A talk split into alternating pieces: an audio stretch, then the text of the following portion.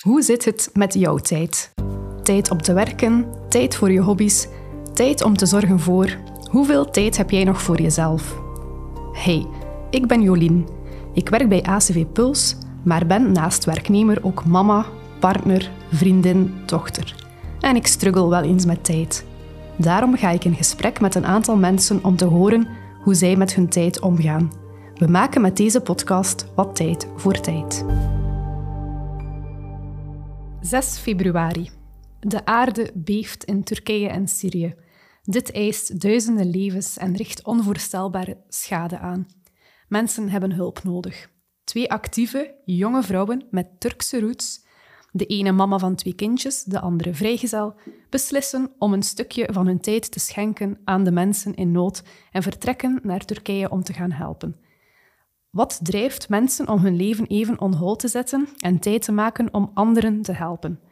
Maar ook hoe verschillend wordt tijd ervaren daar en hier? We vragen het vandaag aan Zeher en Nigar. Welkom. Hallo, dank Dag dames. Dank je wel. Merci uh, om hier te zijn. Hoe gaat het met jullie? Misschien eerst uh, Zeher. Supergoed, eerlijk gezegd. Ja? Bij mij gaat het ook heel goed.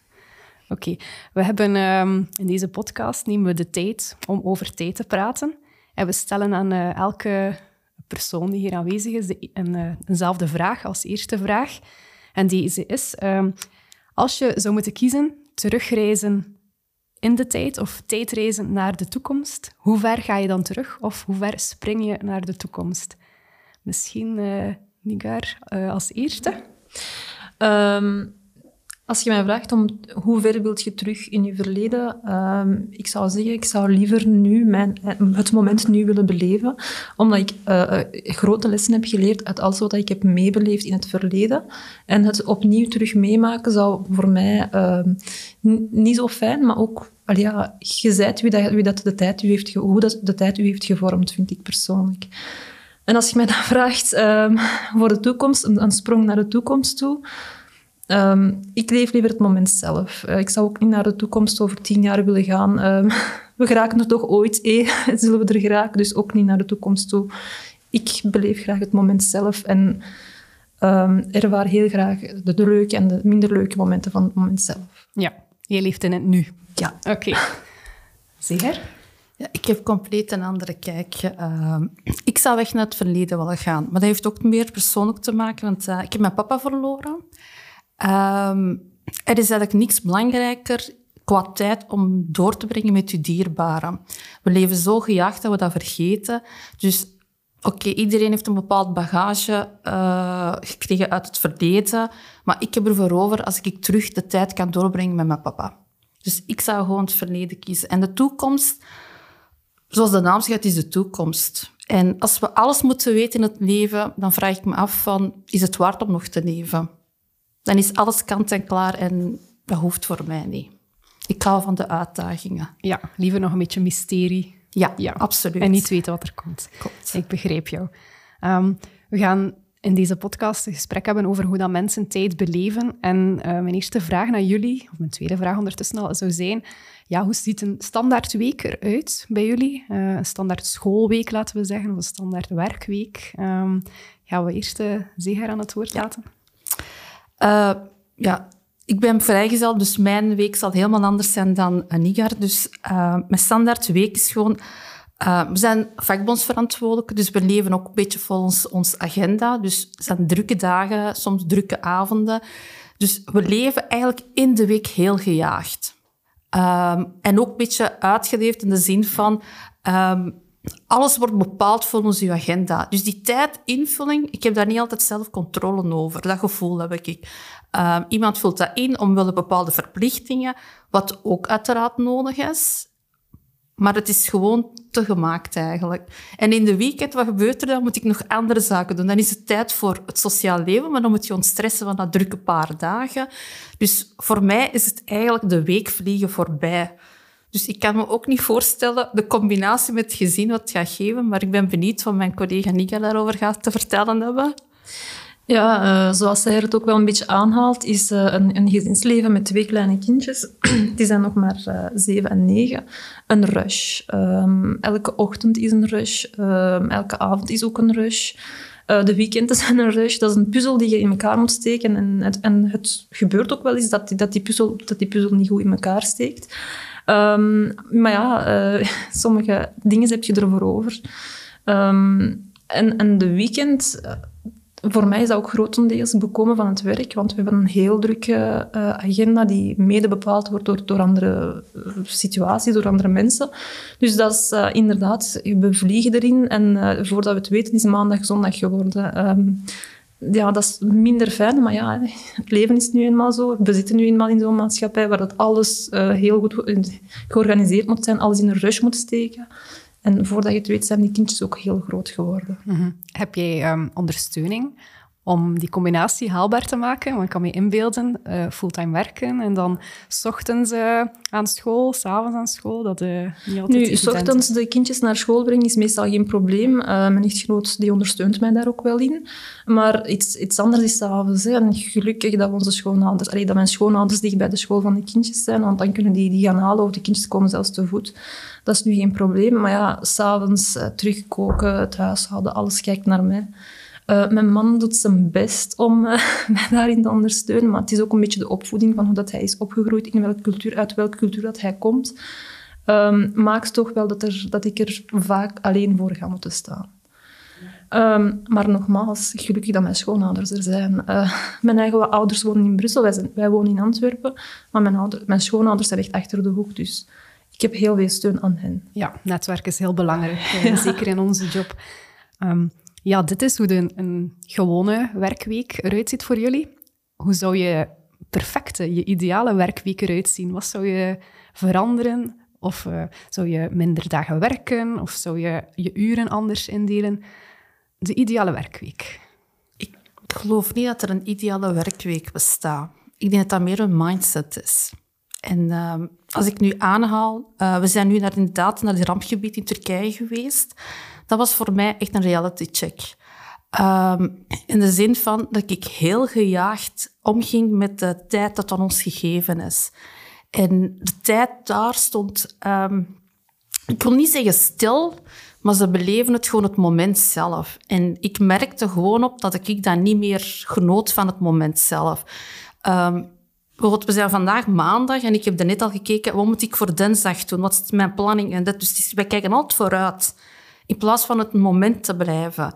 En ik denk, ideale week of ideale leven in algemeen is er niet. Maar hoe dat we ermee omgaan, dat is iets dat wij wel in onze eigen handen hebben. En aan die mindset uit te vinden, is niet gemakkelijk. Ik denk dat dat een grote uitdaging is voor velen onder ons. Ja, ik, ik deel die mening ook wel. Uh, de ideale week die zou er ook niet bestaan voor mij, maar het zou wel wat uh, comfortabeler voelen als we eens wat minder zouden plannen. Als we eens wat minder die vergaderingen zo goed op voorhand moeten voorbereiden. En alles, alles moet perfect zijn, alles moet 35 keer besproken worden om toch tot de eerste conclusie te komen. Soms heb ik wel zoiets van... Uh, moet dit allemaal om toch uiteindelijk hetzelfde te zeggen? voor mij is het, het belevenis van het moment zelf, het, het komt wel goed principe, dat dat een beetje wat meer wordt ingeburgerd in, in, in ons werk in de samenleving. Ja, en daar hoor ik uh, aan jullie ervaringen met uh, Turkije dat dat toch volledig anders is. Uh, dus daar, dat we daar als Vlamingen, als Belgen, toch wel wat kunnen leren over die mindset, die mentaliteit. Is, uh, hebben jullie dat zo hard ervaren? Of, of, ja? ja, tijdens de aardbeving heb ik um, vooral gezien van, kijk, um, hoe hard dat je ook werkt, wat dat je ook doet voor je werk, hoe dat je ook je tijd zo hard besteedt in je carrière enzovoort, alles kan in 45 seconden met de, plat, met de grond plat gemaakt worden. Um, en op dat moment heb ik ook gezien van de invulling die de tijd, de, de mensen daar op dat moment um, was iets heel anders. Dat was een, een rush tegen de tijd om nog iemand levend uit de puinhoop te kunnen halen. En op dat moment, voor mij was dat ook wel een, een klap in mijn gezicht. Heb ik gezegd van, kijk, wat ben ik hier aan het doen? Waarom ben ik hier eigenlijk mijn dierbaarsten hun tijd um, aan het verdoen eigenlijk om een, in een bepaalde rush te geraken? Ik heb het niet over de aardbeving, maar wel het leven hier in België eigenlijk. Ja, maar dan kom je terug en kan ik me inbeelden dat je terug heel snel in die red race zit. In die rush zit, ja. Nu, voor mij, mijn privé-situatie is een beetje anders. Ik ben een tijdje thuis. Ehm, maar ja, maakt niet uit. In het, het privé-rush, daar zijn we terug in beland, uiteraard. Ehm, het huistaak, het, het kinderen op gaan halen, terug gaan afzetten enzovoort. Ik wil er ook even iets aanvullen aan Niger. Um, het vraag dat je stelde van, uh, je zit terug in die rush, ja, dat klopt wel, maar je zit ervaringrijker nu, waar dat je ook anders mee omgaat. Ik heb het gevoel nu dat ik zo een bepaalde stress losgelaten heb. Omdat ik constant zo bezig was. Uh, al van dag ervoor naar de volgende dag plannen. Ik doe dat niet meer. Ik merk nu sinds een paar weken dat ik er ook helemaal anders mee omga, waar ik ook een beetje innerlijke rust gevonden heb. Um, dat rush hier, dat is iets dat we ook um, zelf creëren. Van al van kinds af aan word je eigenlijk in school eigenlijk verwacht van uh, je moet meegaan. Je moet uh, niet praten tijdens de klas of je ziet de hoek gewoon van de, van de klas constant. Um, als je zoiets anders bent dan de gewoon, en ik zou zeggen het groep eigenlijk, dan werd je geviseerd. Maar wat maakt het uit dat je tot ergens behoort of niet? Ik denk dat wij eigenlijk eerst moeten weten van wie zijn we zelf, wat willen we en hoe willen we ons tijd invullen. En in dat invulling van de tijd, ja, spijtig er zijn verplichtingen dat je niet onderuit gaat, maar zelfs dan kunnen we daar eigenlijk uh, op een andere manier omgaan dat het ons minder bedrukkend en beklemmend aanvoelt. En ik denk dat we daar eigenlijk een beetje in fout gaan. En ik denk dat het ook meer te maken heeft van het prestatiedrang. Um, onbewust willen we presteren. En niet om ons eigen te bewijzen tegenover andere mensen, maar ik denk dat we gewoon uh, te veel van ons eigen verwachten en een bepaalde druk opzetten van we moeten dit doen, we moeten dat doen. Je moet overal aanwezig zijn. Zo, het nee zeggen is soms heel moeilijk. We willen ons altijd verantwoorden. Nee, eigenlijk moeten we gewoon zeggen nee, het gaat niet, punt. Ja, grenzen afbakenen, zelf je tijd uh, indelen, ja, keuzes maken. Ja, en dat grenzen afbakenen, ik merk gewoon dat ik soms, um, dat heb ik mezelf nu eigenlijk ontdekt, dat ik zei van, dat ik klaag, ik heb geen tijd, geen tijd, maar ik haal daarbij, het komt goed, ik trek mijn plannen wel. Dus ik geef mijn grens aan, maar ik volg mijn eigen grens niet. Ik respecteer het gewoon niet. Dus ik had zoiets van dat ik terugkom, was dat voor mij echt zo van ik moet het anders mee omgaan. En iemand had me ooit gezegd, uh, ik heb dat net ook zo even kort aangehaald, van uh, de dag is lang, maar het jaar is veel te kort. Uh, ik begin nu meer te beseffen wat ze daarmee bedoelen. En dat klopt inderdaad. En wat wilt je eigenlijk in het leven en wat wilt je met je tijd doen? En dat is het belangrijkste. we moeten ook niet, ook eerlijk kunnen benoemen, werken hoort er ook erbij. Maar je kunt het werken aangenaam doen of je kunt werken stresserend ervaren. En als je voltijds werkt, zit je meer op je werk. En ik wil dit niet tot mijn pensioen blijven ervaren. Ja. Je relativeert eigenlijk ook een beetje het belang van uh, die werkende uh, tijd, de tijd die je werkend spendeert. Ja. Klopt. Dat begreep ik volledig. Um, jullie hebben alle twee een andere gezinssituatie, hebben we in het begin van het gesprek uh, aangehaald. Um, voor jou, Nigar, je, je, bent een werkende mama en uh, je bent van Turkse afkomst. Ik kan me inbeelden dat je ook tegen allerlei andere dingen vooroordelen moest opboksen. Uh, dat er voor jou van andere verwachtingen waren ten opzichte van jou als je in je opgroeien was. Uh, hoe heb jij daartegen uh, gevochten of hoe heb jij dat ervaren? Ja, Jorien, het is eigenlijk allemaal begonnen, zij stond bij mijn studies. Ehm, ik ben de enigste geweest die universitaire studies heeft gedaan in gans mijn familie hier in België. Dus dat was toen al een shock voor, voor mijn naasten eigenlijk. En dan na mijn... Maar, thuis had ik dan een, heel andere ondersteuning, maar na mijn huwelijk heb ik wel gezien van, mm, tegen wat ik heb moeten opbotsen om eigenlijk toch nog een carrière te kunnen opbouwen. In welke zin? Want um, het is jammer zo dat uh, onze cultuur, waarvan dat ik afkomstig van de Turkse cultuur, die hebben niet zo echt een vrouw moet werken, moet carrière maken. De man moet, hem, moet haar ondersteunen. Het is eigenlijk anders. De man moet werken, de man heeft een verplichting om het gezin te onderhouden en de vrouw moet, moet hem ondersteunen. En bij mij is dat wel een clash geweest, zeker in het begin. Want ik heb mijn eigen karakter moeten, karakter moeten opdragen tegenover mijn man, eerst en vooral, die ik al vijf jaar kende toen. En dan ook nog eens tegenover mijn schoonouders, de uh, gans Antwerpen-Berchem ook een beetje. Het was ook een beetje uh, echt vechten om eigenlijk uh, mijn tijd te willen besteden in wat dat ik wil. En ja, ik heb er nog altijd wel een beetje last van. Want het is een, een opvoeding, een bepaald karakter dat je probeert door te, door te breken in je, enige, in je enige zijn. Allee, gewoon omdat ik, ik mijn eigen wil zijn. En ik heb daar wel een beetje mee, mee geworsteld en worstel nog steeds mee. Ja. Probeer je dat ook mee te geven aan je kinderen? Zijn het meisjes, jongens uh, van Ik heb een, een, zoontje en een, een dochter. Um, en zij weten dat mama's werken. Dat mama's tot laat kunnen werken. Dat mama's soms, sommige avonden niet thuis zijn. Dat papa's af en toe eens moeten koken. Um, het is wel ook... Soms heb ik daar een gesprek mee met mijn zoon vooral. Want hij vindt dat een beetje raar dat zijn onkels nooit niet doen thuis. Terwijl dat hun papa dat wel doet. Dat is voor hem ook wel een, een, ja, toch wel een zwart-wit verschil. En dan probeer ik, hem te, probeer ik het hem uit te leggen van kijk, dit is nu de maatschappij, mama's werken ook, dat daar is niks verkeerd mee, um, je moet daarmee kunnen omgaan. En tegenovergesteld ook tegen mijn dochter van kijk, papa helpt mee, maar dat is heel normaal. Hij helpt niet, hij doet gewoon wat hij moet doen eigenlijk. Uh, in het begin hebben mijn kindjes het wel een beetje moeilijk mee gehad, omdat ze, ja, onkels, uh, die, die, vergelijken, die vergelijken dat, dat zijn kleine kindjes. Maar ik hoop wel dat ze het nu een beetje, beetje beginnen te begrijpen. Ja, en dat ze dan ook opgroeien en uh, diezelfde mentaliteit meedragen in hun gezinsleven. Hè? Ja, ja. Ik doe wel, wel mijn uiterste best om, om die um, opvoeding niet te geven aan hen. Allee, want dat je anders problemen hebben in, tijdens hun huwelijk. we moeten ook wel zeggen, de laatste generatie die nu aan het komen is, de Z-generatie, dat zijn allemaal mm, volwassen, dat gaan allemaal volwassen mensen zijn die verplicht gaan moeten werken. En als, als je nu als, als mama de opvoeding geeft van nee, um, man, vrouw anders, ja, dan, dan gaat dat ooit wel eens botsen. Ja.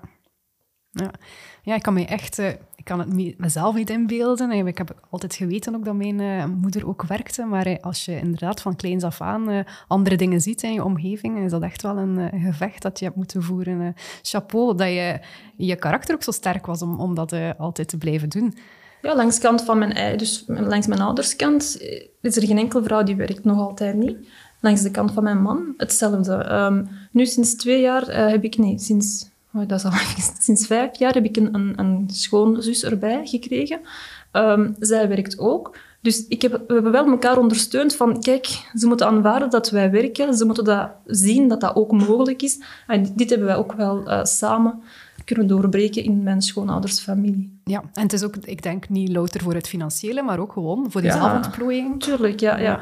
Ik vind um, het, het wel... Ik heb ooit eens met zo'n gesprek gehad met, met een dame en die heeft gezegd ik werk voor mijn eigen comfort. Niet voor het financiële, maar gewoon sociaal contact. Gewoon eens alleen niet altijd thuis zitten.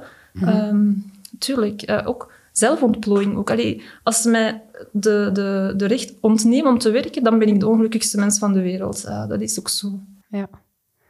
Zeker. Jij zit in een andere situatie, maar misschien moet jij opboksen tegen andere vooroordelen. Ja. Um, ik ben gedeeltelijk akkoord met wat Nigar meegeeft, want zoals, um, uw voorbeeldfiguren zijn heel belangrijk. Bijvoorbeeld, mijn vader uh, was heel open-minded, maar dat kwam ook omdat mijn opa ook heel open-minded was. Um, de vrouwen mochten alles, maar als ik nu, nu naar mijn moeder kijk, mijn moeder wil niet werken. Die vindt dat dat de taak is van een man. Dus daar is nu een andere generatie of een andere uh, problematiek dat ik oppotste. Bij mij was het ook zo, toen ik ze opgroeide, uh, was meestal ons mama dat tegenhielde. Het verschil duidelijk maakte. Uh, jij zet een meisje ik heb, ik heb één broer.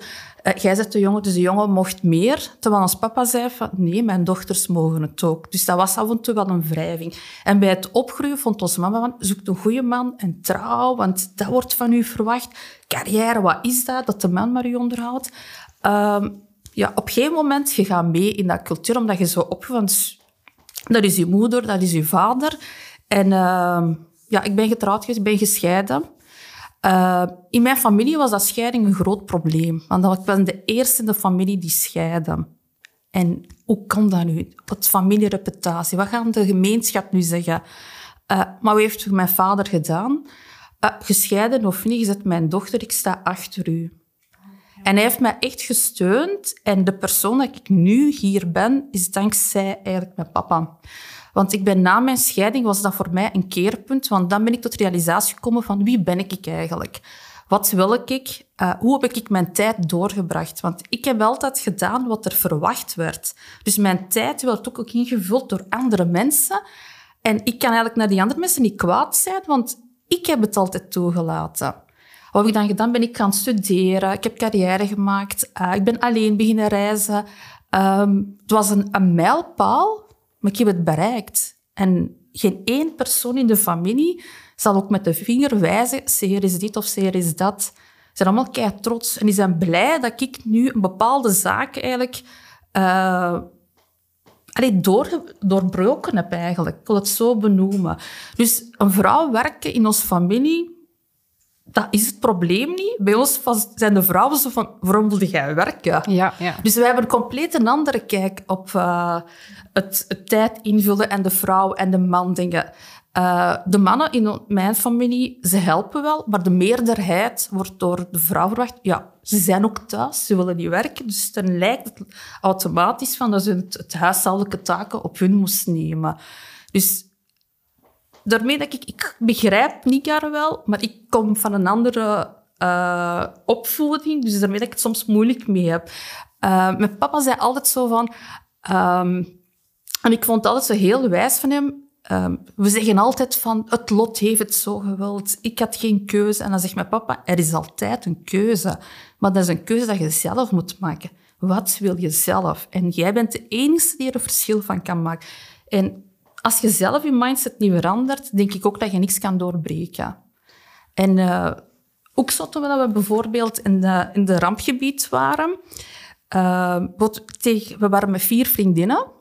Dus Nigar was erbij en nog twee andere vriendinnen. Dus ik was de enigste vrijgezel. En dan waren ze alles zo tegen die drie, getrouwde vriendinnen. Zo, Oeh, jullie mannen hebben jullie gestuurd. Dat kan toch niet? Wat zijn jullie mannen? En tegen mij zeiden van, ja, je hebt geen man, maar zullen we een man zoeken voor u? Hè? Dat je niet alleen bent? Dus die invulling is dan weer helemaal anders. Dus ze worden eigenlijk op een... Allee, ik wil niet zeggen op het vingers getikt, maar... Uh, gewezen op. Gewezen op van, waar zijn jullie mannen? En bij mij was het van, jij mocht dat wel nu doen, maar we voelen toch een man voor u. Want dat hoort niet dat jij dat ook doet. En wij hebben een man meegebracht. nee, ik heb niemand niet mee. Zo simpel is het niet. Nee, nee, inderdaad. Als het zo gemakkelijk was, de liefde, ja, dan had ik ja, vandaag al iemand.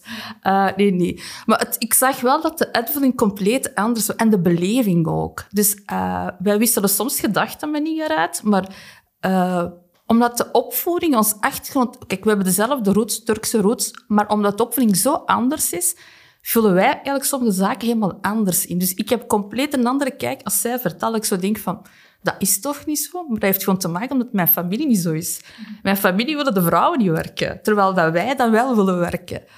Maar ja, ik denk toch wel een constante tussen jullie, want jullie zijn alle twee vrouwen die keuzes maken voor zichzelf. Ja. ja los van dat de familieachtergrond compleet anders is van jullie bij, maar dat is toch echt wel, uh, dat valt mij nu enorm op als ik jullie hoor praten. Jullie hebben beslist, ik ben ik en ik wil mijn leven leiden zoals ik het wil en ik maak mijn eigen keuzes. En dat maakt toch wel dat jullie alle twee straffen madammen zijn. Uh, ja, uh, en ik zou graag willen aanvullen, het gaat hier ook over, juist over dat doorbreken van die vooroordelen van eh, de schoonouders of de schoonfamilie. Ik denk dat, dat, dat bij Sair het, het grootste voordeel is geweest van dat zij is ondersteund geweest door haar eigen vader.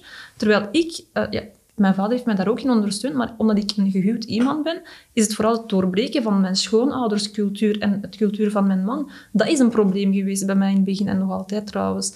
Maar het gaat nog altijd over het doorbreken en het willen doorbreken en het, en het zeggen van nee, ik kan mijn tijd insteken in wie dat ik ben en niet in wie dat, wie dat jullie mij opdragen te moeten zijn. En ik denk dat dat wel het constante is tussen, tussen ons twee uh, meningsinzichten. Klopt. Ja. En over de aardbeving, ja, het was uh, wel frappant. Bijna iedereen die ons zag, met vier vrouwen, die vanuit België komen, met, met een camion vol met hulpgoederen, dat, was zo van... Wat doen jullie hier, vier vrouwen? Jullie zijn de eerste vrouwen die wij hier hebben gezien. Zijn jullie op die kop gevallen, hebben ze ons zelfs gezegd. We hebben gezegd, nee, wij willen onze tijd hierin steken. Wij willen hier iets betekenen voor de mensencollectief. We hebben veel centjes voor jullie binnengezameld, hulpgoederen uh, voor jullie gaan halen, overal in Turkije. Wij willen dat hier bij jullie brengen, omdat dat juist maakt wie dat we zijn. Omdat we juist die doorbrekers zijn. Um, en omdat wij juist niet zijn wie dat ze ons willen opdragen. En ik denk dat dat um, onze motivatie is geweest, vooral. En was het moeilijk voor jou dan uh, Nigar, om uh, te zeggen, ja, sorry gezin, ik ben even weg, ik ga gaan helpen? Um, het was voor mij moeilijk, uiteraard. Uh, maar ik had Seher bij mij en uh, Seher heeft mij daar enorm in ondersteund. Ik had ook zo'n gommetje mee van mijn dochter en een ballonnetje mee van mijn zoon. Af en toe heb ik daar wel echt mijn, mijn, mijn twee vuisten echt aan geklampt, want wat we daar hebben gezien, wat we daar hebben meegemaakt, was, was, echt niet oké. Okay. En toen ik terugkwam, um, heb ik zelf twee een dikke knuffel gegeven en heb ik gezegd van gelukkig dat jullie in mijn leven zijn. En, en sorry eigenlijk dat ik zoveel van jullie heb afgenomen in al, al de tijden dat ik niet heb doorgebracht met jullie. En eigenlijk, ja... Ja, echt wel een eye-opener ja. geweest. Ja, ja, voor mij wel. Ja, Hoe snel na die aardbeving zijn jullie vertrokken naar daar? Vierde dag. Mai. Ja, dus, dus maandag. De tiende zijn we vertrokken, 10 februari. Vierde dag, ja. ja. Ja, dat is heel snel. Ja, je moet er ook heel snel op inspelen, want het heeft geen zin om na een paar weken te gaan. Dan lijkt het precies een rampentoerist. Dat is de bedoeling niet. Um, en hoe zijn we erop gekomen? Ja, jullie weten dat we allemaal drukke agenda hebben, vakbondsverantwoordelijk, dus ik moet dat niet vertellen. Ik zag gewoon in mijn agenda en ik had zoiets van... Oh shit, ik moet dit doen, dat nog doen. En dan dacht ik, nee, zeer, zoek geen excuses. Je wilt dit, dan kun je tijd maken.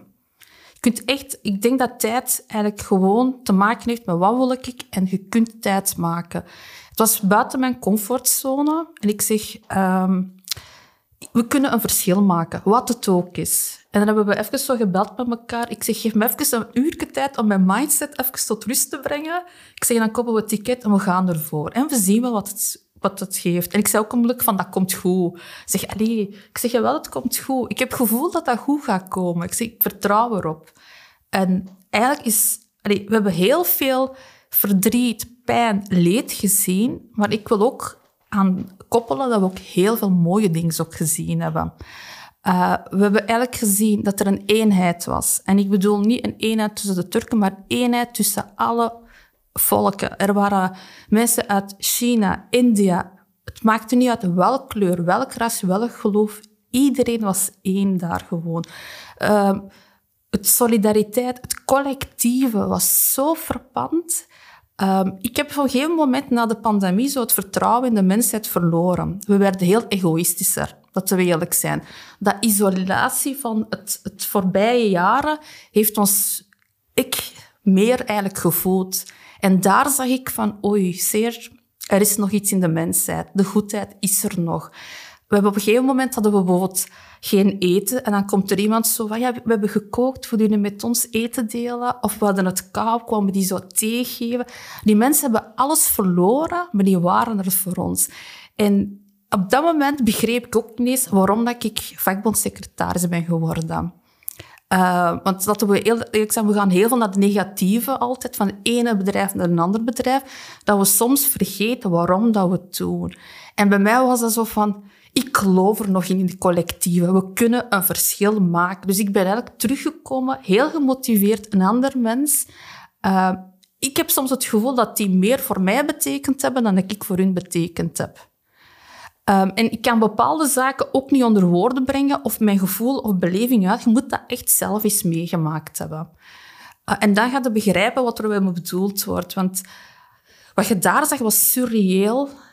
Maar toch, wat je heel voorbij gewonnen hebt, is onbetaalbaar. Ik kan het niet anders verwoorden, vul mij aan ja, als ik iets vergeet. En, en zeker wat, dat, wat dat mij ook daar enorm heeft getroffen, ja, dat zijn mensen die echt niks niet meer hebben. Ze hebben zelfs geen beker onder water in te zetten. Hè. En, en dan zien ze ons daar, van, ja, die mensen, mensen die van het buitenland komen om ons te helpen. Dat heeft hen enorm geraakt. En ondanks het feit dat ze niks hebben, dan nog zeggen ze van, kom, een theetje drinken, kom bij ons slapen, kom, we gaan jullie niet hier op straat laten. Want we hebben gezegd van, we hebben alles in het hè, doen. We gaan op straat moeten overnachten. Dat, allee, we hebben dat allemaal voor over gehad. En wat ik toen wel treffelijk vond, was ook al zijn ze slachtoffers van een, een enorme ramp, en toch die gastvrijheid van hen en het geloof van um, ze gaan ons hier komen helpen, er zijn goede intenties van gans de wereld, dat heeft mij toen ook wel enorm getroffen.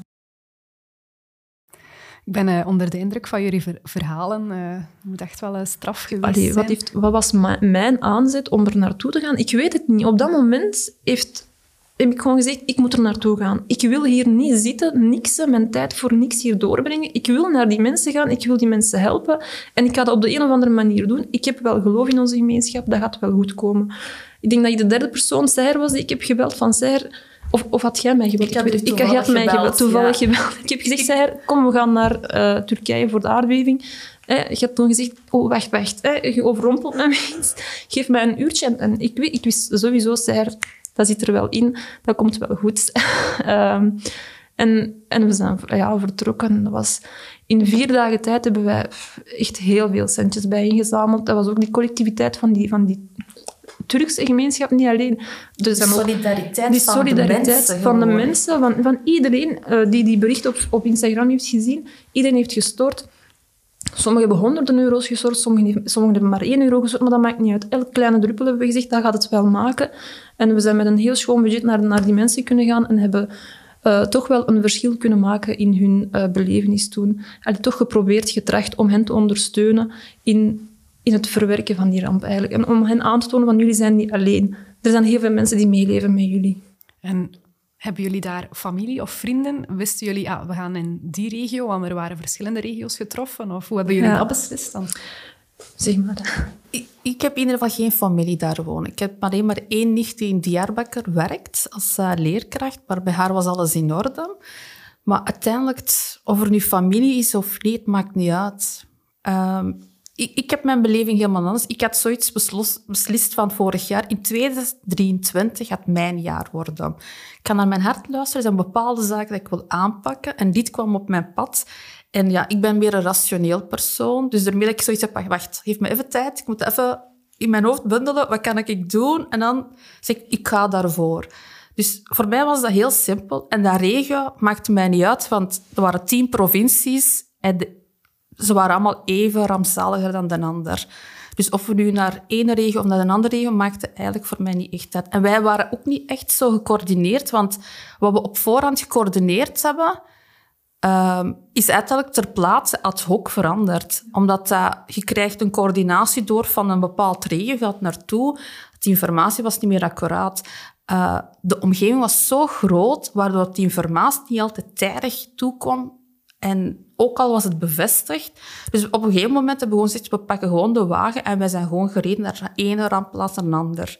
Eh, het leek een beetje een ramptoerisme, maar dat is het eigenlijk niet. We moesten wel echt eh, Opschuiven. Op, opschuiven, in straten rijden om te zien wie kunnen we helpen. Eh, het was heel intensief, klopt. Maar dat voelde op dat moment ook niet zo aan. Ik denk dat die adrenaline-rush en de overlevingsmechanisme, dat dat eigenlijk ons zo gedreven heeft van, om tot het uiterste te gaan. En ik weet ook niet hoe we dat klaargespeeld hebben. Dat was echt... eh, Ja.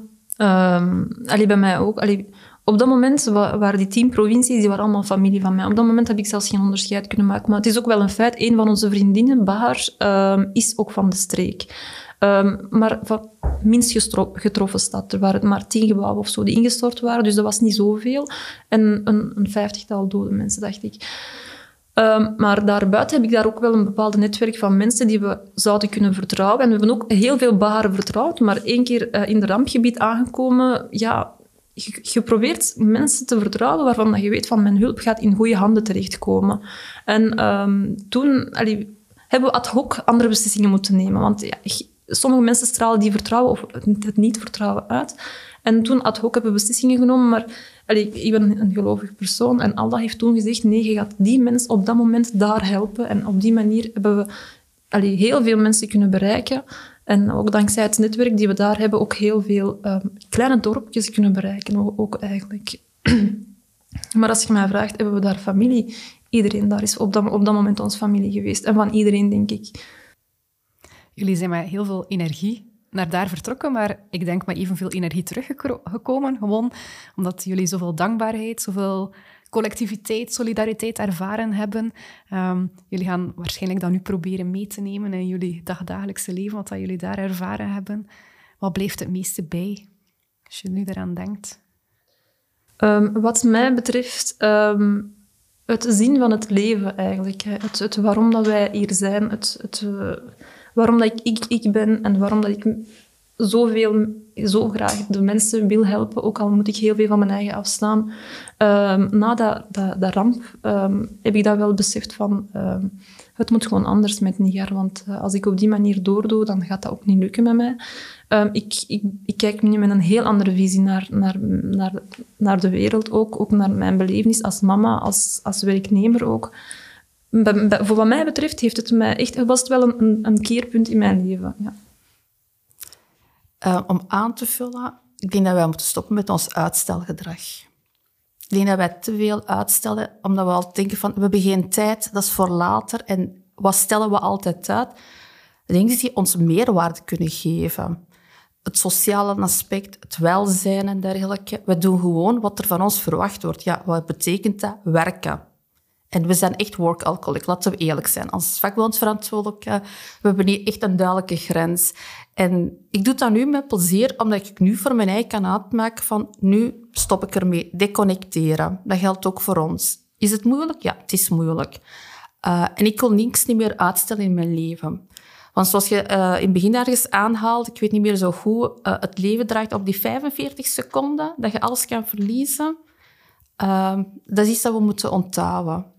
Wat wil ik nu doen? Heb ik zin in dat chocolade? Ik ga dat straks wel kopen. Ik ga dat vandaag wel eten. Ik, ik stel niks niet meer uit in het leven. En als ik iets wil doen, um, een mens is sterk genoeg.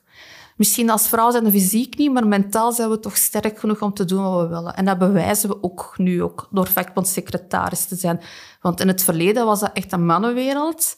Uh, ik denk dat wij niet mogen onderdoen. Spreek me tegen als dat... Ik ga je volledig mee eens. dus uh, we, zijn sterk genoeg wanneer dat we het willen. En we kunnen ook aan de tafel hard slaan, maar we pakken het gewoon iets anders aan. En uh, ik denk dat we nu, als we bewuster zijn met ons tijd en de uitstelgedrag eruit halen, dat we een fijner leven zullen hebben. Ja, eigenlijk maak je nu een perfecte link naar mijn laatste vraag die ik voor jullie had. Um, want geen uitstelgedrag. Stel, morgen heb je alle tijd van de wereld. Je moet niet werken. Je mag doen waar je zin in hebt, wat dat je belangrijk vindt. Wat zou jij met die tijd doen, met die oneindige tijd die er voor jou is? En dan moet ik eventjes uh, denkpauze laten. Ik denk dat ik, um, als ik mag, um, vooral heel veel tijd zou doorbrengen met mijn geliefde. Um, en voor mij is dat dan mijn klein gezinnetje en dan mama, papa en neef nicht, echt zo. Maar ook vooral mijn tijd insteken in het helpen van mensen die er nood aan hebben. En, en dat doen samen met, met de, de kinderen waar dat ik verantwoordelijk voor ben. En ervoor zorgen dat zij ook dat meekrijgen van mij. Dat dat geen egoïsten worden, dat dat geen narcisten worden, maar dat dat echt wel mensen zijn die er zijn voor de mensen. Denk dat dat zal zijn, zeer beknopt gezicht. Aanvullend, ik zou ook tijd maken voor mezelf, want ik ben ook het waard en ik ben ook belangrijk. Um, ik denk dat we altijd ons eigen vergeten en als we zelf niet goed zijn, kunnen we niks betekenen voor een ander. Dus tijd is ook tijd maken voor jezelf. Zo vul ik het in. En uh, familie, vrienden, dat hoort er altijd erbij. En dat is ook automatisch wat we eerst eigenlijk uh, benoemen. Uh, maar dat is niet het allerbelangrijkste. Dus um, ik wil ook loyaal zijn voor mezelf. En ik denk dat we dat altijd vergeten. En ook heel veel tijd maken voor dingen die me gelukkig maken. Gewoon. Allee, het, het levensvreugde halen uit dingen die je gelukkig maken. En niet te veel... Pff, Als je meer tijd met die... mij doorbrengen. Ja, zij is de sleutel. En we sluiten af met een high five. Dankjewel, dames, voor het leuke gesprek. gedaan. Dankjewel.